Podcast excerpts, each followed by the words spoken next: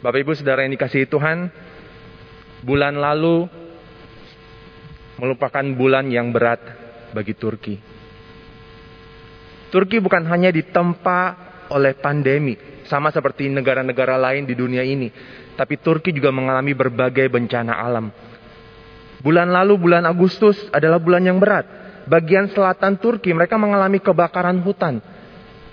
Dan karena kebakaran itu ada Setidaknya sekurang-kurangnya delapan orang yang meninggal dan ada ribuan hewan ternak yang juga mati. Tapi bukan hanya itu. Di bagian utara mereka mengalami hujan yang lebat, banjir, dan longsor. Dan karena itu ada sekurang-kurangnya 81 orang yang meninggal. Masih banyak yang lain yang hilang. Banyak bangunan dan gedung-gedung yang hancur karena banjir, karena longsor. Turki mengalami semua bencana ini.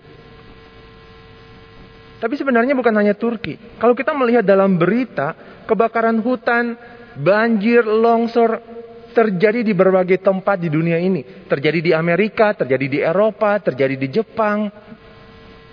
Dan semua bencana-bencana alam ini sebenarnya menunjukkan kuasa alam. The power of nature.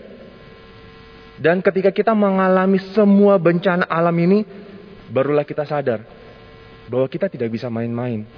Bahwa memang bencana alam yang terjadi ini memang di luar kuasa kita. Sangat mengerikan, sangat menakutkan. Dan seakan-akan manusia itu tidak bisa apa-apa.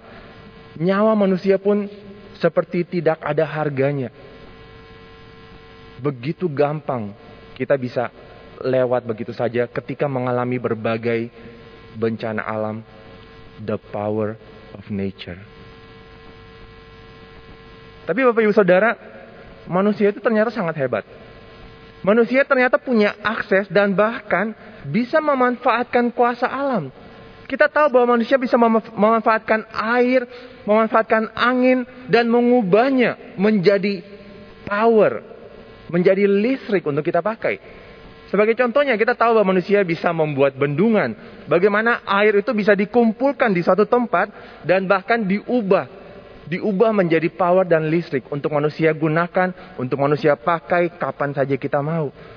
Kuasa alam dikumpulkan dan seakan-akan disimpan dalam suatu kotak untuk dipakai oleh manusia. Bapak Ibu Saudara, di sini saya mempunyai sebuah kotak kecil. Kotak ini memang kotak yang kecil, tapi apa yang ada di dalamnya ini kuasanya sangat besar. Dan dengan kotak yang kecil ini, dengan apa yang ada di dalamnya, saya masih ingat pada waktu itu saya meminta pacar saya pada waktu itu untuk menikah dengan saya, dan dia mengatakan iya. Kotak yang sangat kecil, tapi isinya kuasanya itu sangat besar. Kalau kita punya akses ke kuasa Allah, saudara. Kalau kita punya akses ke kuasa Allah dan bisa kita simpan dalam kotak untuk kita pakai kapan saja. Apakah kita akan melakukannya juga? Ini adalah hal yang sangat praktis, bukan? Bayangkan saja kalau kita bisa memakai kuasa Allah, kita bisa menyimpan dulu, memasukkan dalam sebuah kotak dan kemudian nanti kita keluarkan, kita manfaatkan kalau kita butuh, itu adalah suatu hal yang luar biasa, sangat praktis, sangat berguna bagi kita. Bapak Ibu Saudara, hari ini kita akan melihat suatu cerita tentang kuasa Allah dan kita akan melihat cerita ini melalui cerita tentang tabut Allah yang berada di tengah-tengah orang Filistin. Bagi Bapak Ibu Saudara yang mengikuti base, kita melihat di dalam satu Samuel, kita sedang melihat cerita-cerita dalam satu Samuel, kita belajar bersama-sama dan kita melihat bahwa memang tabut Allah bagi orang Israel, tabut Allah adalah lambang kuasa Allah dan lambang kehadiran Allah. Memang Allah adalah Allah yang maha hadir. Allah bisa berada di mana saja. Tetapi untuk orang Israel pada saat itu Allah memilih untuk berdiam di atas tabut Allah dan tabut Allah menjadi lambang kehadiran dan kuasa Allah. Tabut Allah yang memimpin bangsa Israel, umat Allah keluar masuk ke tanah Kanaan sehingga tabut Allah mempunyai suatu kuasa yang luar besar bagi bangsa Israel pada saat itu. Kita melihat di dalam pasal yang keempat, satu Samuel pasal yang keempat, kalau Bapak Ibu sekali lagi mengikuti base, sudah belajar tentang bagian ini, kita melihat bahwa tabut Allah pada saat itu dirampas oleh orang-orang Filistin. Mereka menang perang lawan orang Israel dan tabut Allah dirampas. Sehingga menjadi suatu pertanyaan ketika tabut Allah itu dirampas, di mana kemuliaan Allah? Kemuliaan telah lenyap dari Israel. Di mana kuasa Allah? Bagaimana bisa tabut yang adalah lambang kuasa dan kemuliaan Allah itu dirampas oleh orang-orang yang tidak mengenal Allah? Pada saat itu kita melihat bahwa orang Israel dan orang Filistin mereka sama-sama punya pemahaman yang salah tentang kuasa Allah. Mereka sama-sama mempunyai pemahaman yang salah tentang tabut Allah. Dan mereka melihat tabut Allah ini seakan-akan suatu senjata pamungkas. Orang orang Israel, mereka melihat tabut Allah sebagai kuasa Allah. Sehingga mereka berpikir, kalau tabut Allah ini ada di tengah-tengah mereka, maka mereka pasti akan menang perang. Orang Filistin, mereka pun berpikir hal yang sama. Mereka berpikir bahwa tabut Allah ini adalah suatu senjata pamungkas bagi orang Israel. Kalau Israel punya tabut, maka mereka pasti akan kalah. Tapi kita membaca ceritanya dan ternyata meskipun tabut Allah itu bersama dengan orang Israel di dalam peperangan itu, mereka kalah.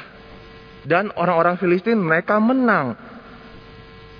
Tapi di sini kita melihat bahwa mereka seakan-akan mengunci kuasa Allah itu di dalam sebuah kotak. Kotak yang sangat istimewa, kotak yang luar biasa. Tabut Allah tapi tetap saja ini hanya sebuah kotak. Mereka seakan-akan put God in a box. Menyimpan, mengunci Allah di dalam satu kotak ini. Dan kita melihat ceritanya bahwa sekarang tabut Allah sudah dirampas. Ini merupakan suatu krisis bagi bangsa Israel, umat Allah. Tapi ternyata akan menjadi suatu bencana bagi orang bagi orang Filistin juga. Nah kita akan membaca bersama, mari kita buka Alkitab kita dari 1 Samuel pasal yang kelima. 1 Samuel pasal yang kelima kita akan membaca seluruh pasal dan kemudian kita akan loncat ke pasal yang keenam di beberapa ayat yang terakhir. Kita akan membaca dimulai dari 1 Samuel pasal yang kelima ayat yang pertama. Sesudah orang Filistin merampas tabut Allah, maka mereka membawanya dari Eben Heser ke Asdod. Orang Filistin mengambil tabut Allah itu dibawanya masuk ke kuil Dagon dan diletakkannya di sisi Dagon. Ketika orang-orang Asdod bangun pagi-pagi pada keesokan harinya, tampaklah Dagon terjatuh dengan mukanya ke tanah di hadapan tabut Tuhan. Lalu mereka mengambil Dagon dan mengembalikannya ke tempatnya. Tetapi ketika keesokan harinya mereka bangun pagi-pagi, tampaklah Dagon terjatuh dengan mukanya ke tanah di hadapan tabut Tuhan. Tetapi kepala Dagon dan kedua belah tangannya terpenggal dan terpelanting ke ambang pintu hanya badan Dagon itu yang masih tinggal. Itulah sebabnya para imam Dagon dan semua orang yang masuk ke dalam kuil Dagon tidak menginjak ambang pintu rumah Dagon yang di Asdod sampai hari ini. Tangan Tuhan menekan orang-orang Asdod itu dengan berat dan ia membingungkan mereka. Ia menghajar mereka dengan borok-borok, baik Asdod maupun daerahnya. Ketika dilihat orang-orang Asdod bahwa demikian halnya, berkatalah mereka, Tabut Allah Israel tidak boleh tinggal pada kita. Sebab tangannya keras melawan kita dan melawan Dagon Allah kita. Sebab itu mereka memanggil berkumpul kepadanya semua raja kota orang Filistin dan berkata, Apakah yang akan kita lakukan dengan tabut Allah Israel itu? Lalu kata mereka, tabut Allah Israel harus dipindahkan ke Gad. Jadi mereka memindahkan tabut Allah Israel itu ke sana. Tetapi setelah mereka memindahkannya, maka tangan Tuhan mendatangkan kegemparan yang sangat besar atas kota itu. Ia menghajar orang-orang kota itu, anak-anak dan orang dewasa, sehingga timbul borok-borok pada mereka. Lalu mereka mengantarkan tabut Allah itu ke Ekron. Tetapi sesampai tabut Allah itu di Ekron, berteriaklah orang Ekron itu demikian. Mereka memindahkan tabut Allah Israel itu kepada kita untuk mematikan kita dan bangsa kita. Sebab itu mereka memanggil berkumpul semua raja kota orang Filistin itu dan berkata, Antarkanlah tabut Allah Israel itu, biarlah itu kembali ke tempatnya, supaya jangan dimatikannya kita dan bangsa kita. Sebab di seluruh kota itu ada kegemparan maut. Tangan Allah menekan orang-orang di sana dengan sangat berat. Orang-orang yang tidak mati dihajar dengan borok-borok sehingga teriakan kota itu naik ke langit. Kita lompat ke 1 Samuel pasal yang ke-6. 1 Samuel pasal yang ke-6 kita akan membaca dari ayat 19 sampai 21. Dan ia membunuh beberapa orang Bet Semes karena mereka melihat ke dalam tabut Tuhan. Ia membunuh 70 orang dari rakyat itu. Rakyat itu berkabung karena Tuhan telah menghajar mereka dengan dahsyatnya. Dan orang-orang Bet Semes berkata, Siapakah yang tahan berdiri di hadapan Tuhan, Allah yang kudus ini? Kepada siapakah ia akan berangkat meninggalkan kita? Lalu mereka mengirim utusan kepada penduduk Kiryat Yarim dengan pesan, Orang Filistin telah mengembalikan tabut Tuhan datanglah dan angkutlah itu kepadamu. Demikian firman Tuhan. Bapak Ibu Saudara, kita melihat di sini di dalam cerita ini kita membaca ada cerita tentang kuasa Tuhan. Dan bagaimana orang-orang Filistin itu akhirnya mereka bisa melihat dan mengalami kuasa Tuhan itu sendiri. Kita tidak membaca seluruh ceritanya, Bapak Ibu Saudara bisa membaca semua seluruh ceritanya untuk mendapatkan cerita yang lebih lengkap. Tapi di sini sekali lagi kita melihat bahwa pada saat ini tabut Allah itu telah dirampas oleh orang Filistin. Ketika mereka menang, mereka menganggap bahwa tabut Allah itu adalah sebagai suatu piala kemenangan. Sehingga mereka membawanya kembali ke daerah mereka dan bahkan mereka menaruhnya di dalam kuil Dagon. Menjadi bagian dari dewa mereka. Yang menarik di sini kita melihat bahwa cerita ini menggambarkan seakan-akan tabut ini dikuasai sepenuhnya oleh orang-orang Filistin. Kata-kata yang dipakai menggambarkan bagaimana mereka menguasai tabut Allah ini. Mereka merampas, mereka mengambil, mereka membawa, mereka meletakkan di sisi Dagon, dewa mereka. Mereka bisa berbuat apa saja. Kelihatannya mereka bisa berbuat sesuka hati kepada tabut Allah ini. Mereka bisa berbuat apa saja. Ketika orang-orang Filistin menguasai tabut Allah ini, apakah berarti mereka menguasai Allah? Bapak Ibu Saudara kita tahu cerita tentang Aladin. Kita tahu bahwa setiap orang yang menguasai lampu Aladin itu, maka orang tersebut menguasai jin Aladin. Bagi orang yang mempunyai lampu itu dan menguasainya, dia bisa memanggil jin itu kapan saja dan jin itu dengan kuasanya yang besar bisa melakukan apa saja yang diminta oleh orang yang menguasai lampu itu. Tapi kalau kita melihat di dalam satu Samuel ini, Allah bukan jin Aladin. Meskipun tabut dikuasai oleh orang-orang Filistin, tidak berarti mereka menguasai Allah. Kuasa Allah itu tidak bisa disimpan dan dikunci hanya dalam sebuah kotak. Sekali lagi, kotak yang sangat istimewa. Tabut Allah. Tapi kuasa Allah tidak bisa dikunci dalam kotak itu. Dan di sini kita melihat bagaimana orang Filistin akhirnya melihat kuasa Allah, mengalami kuasa Allah. Cerita ini menunjukkan siapa Allah dan bahwa mereka tidak bisa main-main dengan kuasa Allah. Kita melihat bagaimana Dagon tidak bisa berada di hadapan Allah. Meskipun Dagon bukan siapa-siapa, hanya kayu. Tapi dikatakan bahwa Dagon jatuh dengan muka ke tanah seakan-akan menyembah Allah. Bahkan sampai dua kali. Dagon jatuh, bahkan yang kedua kalinya itu tangannya, kakinya semuanya lepas. Dan hanya ada badannya saja. Dan dua kali ini menunjukkan bahwa ini bukan kebetulan. Bukan seakan-akan mungkin ketika mereka menaruh dagon itu, kemudian ada kucing yang lewat, kesenggol, kemudian dagon jatuh. Tidak. Bukan seperti itu. Dagon jatuh di hadapan Allah. Menunjukkan bahwa Allah tetap berkuasa. Allah bisa menang kapan saja dan di mana pun dia berada. Allah bukanlah Allah yang bisa dikuasai. Dan ketika kita membaca terus ceritanya, bagaimana ketika tabut itu masih berada di daerah orang Filistin, dikatakan bahwa tangan Tuhan melawan mereka. Tangan Tuhan berkali-kali disebutkan menekan mereka dengan sangat berat. Sehingga orang-orang Asdod mereka takut. Dan mereka memindahkannya ke Gad. Terjadi juga di Gad. Bagaimana tangan Tuhan menekan mereka dengan sangat berat. Orang-orang Gad takut. Mereka memindahkan lagi. Tabut dibawa ke Ekron. Sesampainya tabut itu di Ekron. orang-orang Ekron berteriak ketakutan. Mereka takut karena mereka telah mendengar apa yang terjadi bagi orang-orang Asdod, bagi orang-orang Gad. Bahkan dikatakan ada kegemparan maut menimpa mereka. Kepanikan akan maut itu sendiri. Saking takutnya mereka semua panik. Dan mereka pun tidak mau ada tabut Allah di tengah-tengah kota mereka. Bapak Ibu Saudara, apakah orang Filistin itu tahu seperti apa Allah Israel? Sebenarnya mereka sudah pernah mendengar. Kalau kita melihat di ayat di pasal sebelumnya, pasal 4, dikatakan bahwa memang mereka sudah mendengar apa yang terjadi kepada orang-orang Mesir. Kita membaca di pasal 6 juga, mereka tahu apa yang terjadi kepada orang-orang Mesir. Tetapi di sini, di pasal yang kita baca ini, Orang Filistin itu mereka mengalami sendiri kuasa Allah. Mereka mengalami sendiri the power of God. Dan mereka sadar tidak bisa main-main. Mereka takut. Mereka takut karena memang dia adalah Allah yang patut untuk ditakuti. Dan karena itu mereka memutuskan untuk mengembalikan tabut Allah kembali ke Israel.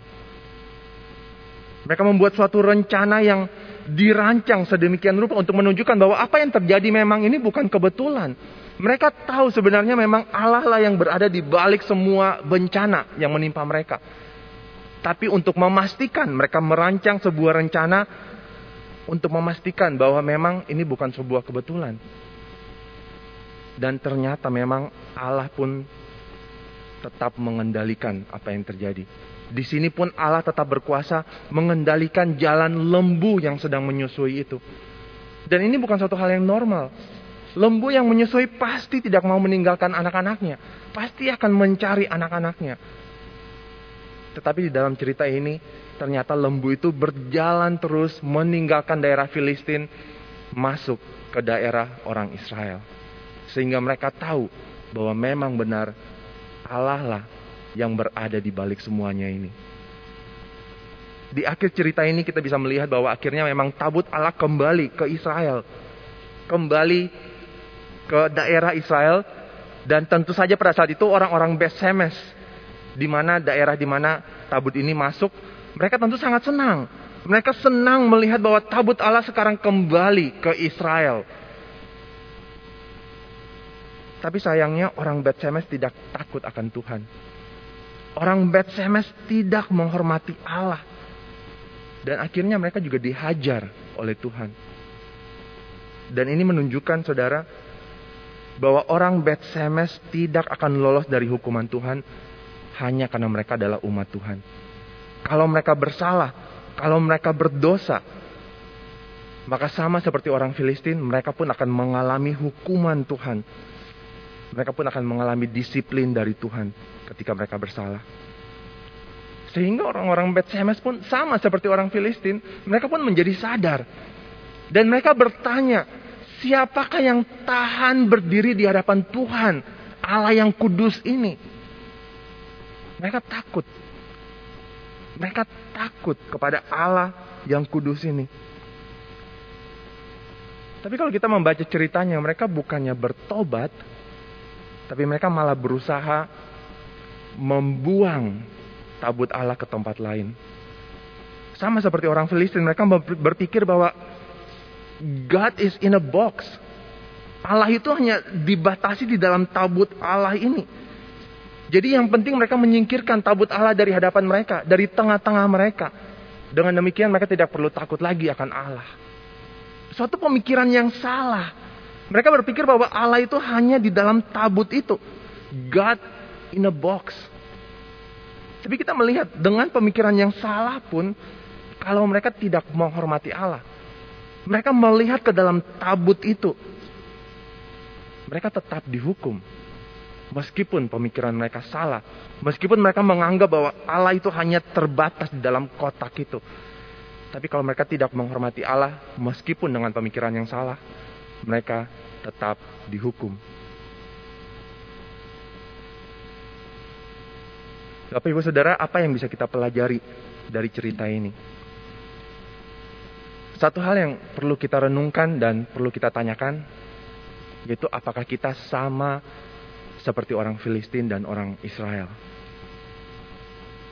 Apakah kita sama seperti mereka? Apakah kita juga menaruh dan mengunci Allah di dalam kotak?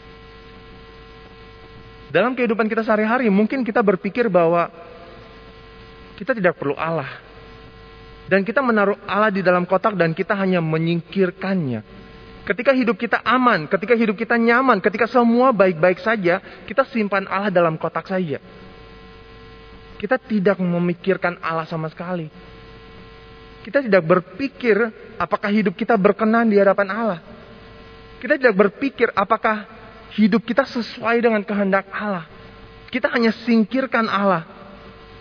Dan nanti kalau kita sakit, nanti kalau kita mempunyai pergumulan, atau kalau kita butuh kuasa Allah, barulah kita mengeluarkan Allah dan kita manfaatkan kuasanya. Apakah kita sama seperti orang Filistin dan orang Israel. Bagaimana caranya kita put God in a box? Bagaimana caranya kita menaruh Tuhan di dalam kotak? Salah satunya dengan berpikir bahwa Allah cuma ada di gereja. Bahwa Allah cuma ada di ruang ibadah, ruang kebaktian umum. Dan di luar dari itu, di luar gereja Allah tidak ada. Sehingga kita hidup sesuka hati. Sehingga kita berpikir bahwa Allah tidak melihat semua kejahatan kita. Semua kesalahan kita. Kita berpikir bahwa Allah tidak ada di luar gereja. Dan kita hidup sesuka hati. Kita nipu orang lain. Kita fitnah orang lain. Dan nanti kalau kita datang ibadah ke gereja, kita masuk ke ruang kebaktian umum, kita masuk dengan sikap penuh hormat. Karena kita berpikir Allah di sini, Allah hadir. Dan kita menghormati Allah. Tetapi di luar itu, kita sama sekali tidak menghormati Allah. Sekali lagi, meskipun pemikiran kita salah, meskipun kita menganggap bahwa Allah hanya ada di ruang kebaktian umum misalnya, tapi kalau kita tidak menghormati Allah, kalau kita tidak menghormati gereja, kalau kita berpikir gereja itu hanya sebuah institusi atau hanya sebuah organisasi atau bahkan sebuah bisnis yang bisa kita kendalikan, Allah akan tetap menghukum kita. Allah tidak akan membiarkan kita untuk menghina Allah dan gerejanya. Saudara kita juga bisa put God in a box ketika kita ketika kita pikir bahwa kuasa Allah, bahwa kemuliaan Allah itu bergantung pada diri kita. Kita put God in a box kalau kita pikir bahwa kuasa dan kemuliaan Allah bergantung kepada diri kita. Katanya kalau kita hebat, kalau kita kaya raya, kalau kita terkenal, kalau kita sukses di mata dunia, maka Allah dimuliakan. Dan karena itu kita berusaha menyenangkan semua orang. Kita berusaha melakukan segala cara supaya kita terkenal, supaya kita hebat, supaya kita punya status, supaya kita dipuji orang lain. Karena kita berpikir bahwa dengan demikian maka kuasa Allah dinyatakan, maka kemuliaan Allah terlihat. Tapi apakah benar kemuliaan Allah bergantung kepada kita? Apakah benar kemuliaan Allah bergantung kepada kesuksesan kita. Kalau kita sukses, kalau kita menang di mata dunia, maka itu menunjukkan kuasa Allah. Kalau kita tidak menang di mata dunia, maka itu menunjukkan bahwa Allah kita tidak berkuasa. Apakah benar demikian? Apakah kita hanya memasukkan Allah di dalam box seperti itu? Saudara kita harus bertanya, apakah kita kenal siapa Allah kita? Apakah kita tahu siapa Allah kita? Allah kita adalah Allah yang berkuasa. Allah yang sanggup untuk membela dirinya sendiri. Dia bukan Allah yang harus dibela. Kita tidak perlu berperang untuk Allah. Malah Allah yang berperang untuk kita umatnya. Dialah yang menyelamatkan kita.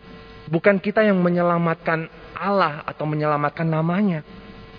Dia bukan Allah yang butuh bantuan kita untuk bisa menunjukkan kuasa dan kemuliaannya.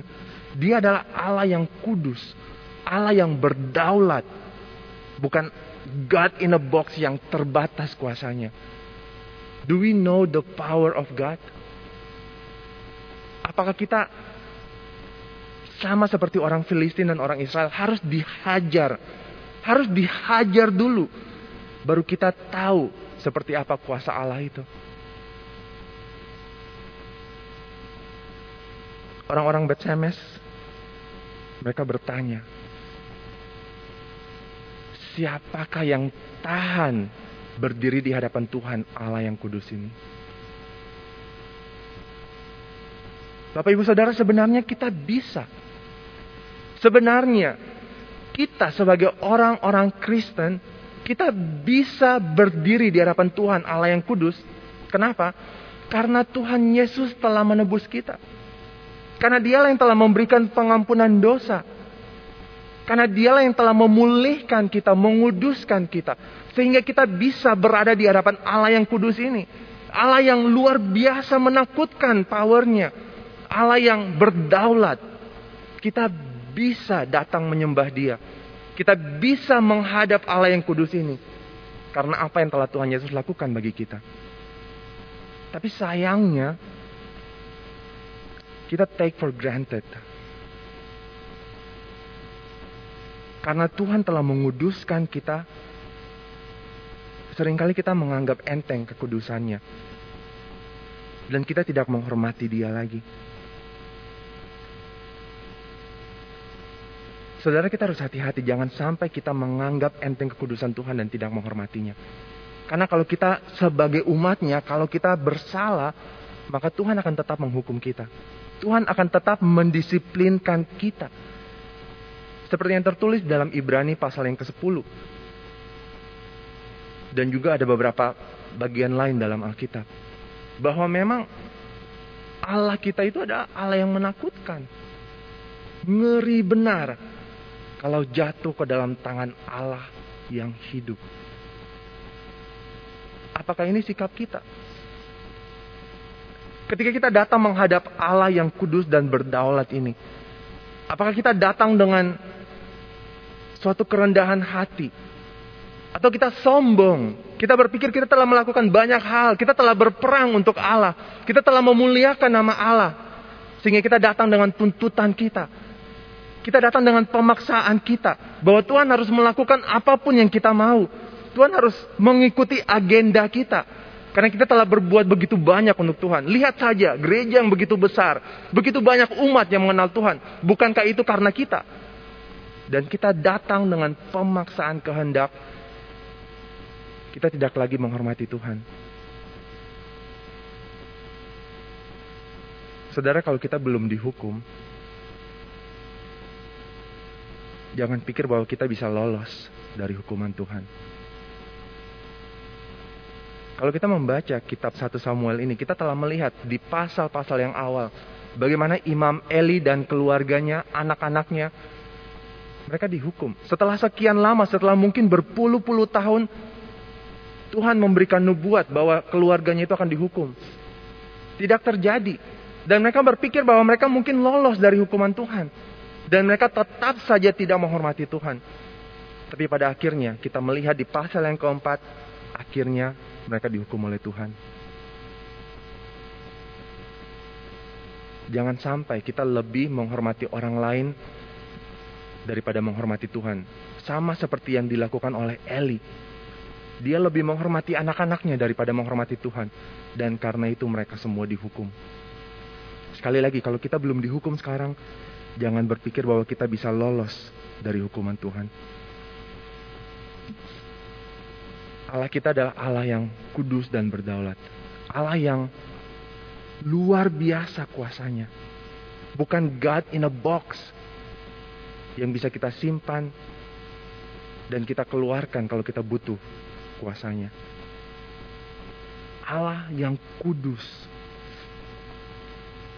Sehingga mari pada malam hari ini Kalau kita sadar akan hal ini, mari kita kembali mohon ampun dari Tuhan. Kalau selama ini kita hanya put God in a box, kita simpan dan kita tidak peduli kepadanya. Mari kita bertobat. Mari kita bertobat sebelum kita dihajar oleh Tuhan. Karena kita kurang ajar dan kita tidak menghormati Dia. Dan kalau kita sudah kenal siapa Allah kita, mari kita hidup bersamanya.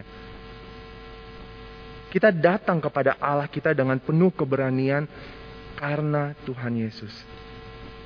Kita bisa menghadap tahta Allah yang kudus ini. Mari kita datang hidup dengannya. Jangan hanya put God in a box, tapi benar-benar menghormati Dia. Benar-benar mengikuti kehendaknya. Benar-benar taat kepadanya. Mari saudara kita ambil waktu untuk tenang sejenak. Kita kembali menghadap Allah kita. Kita bersyukur kita boleh menghadap Allah kita. Tapi pada saat yang sama mari kita mohon ampun. Dan kita bertobat. Kalau pemikiran kita sama seperti orang Israel dan orang Filistin. Yang hanya put God in a box kita mohon ampun. Dan kita minta Tuhan tolong kita. Untuk bisa menghormati dia. Untuk bisa mengikutinya.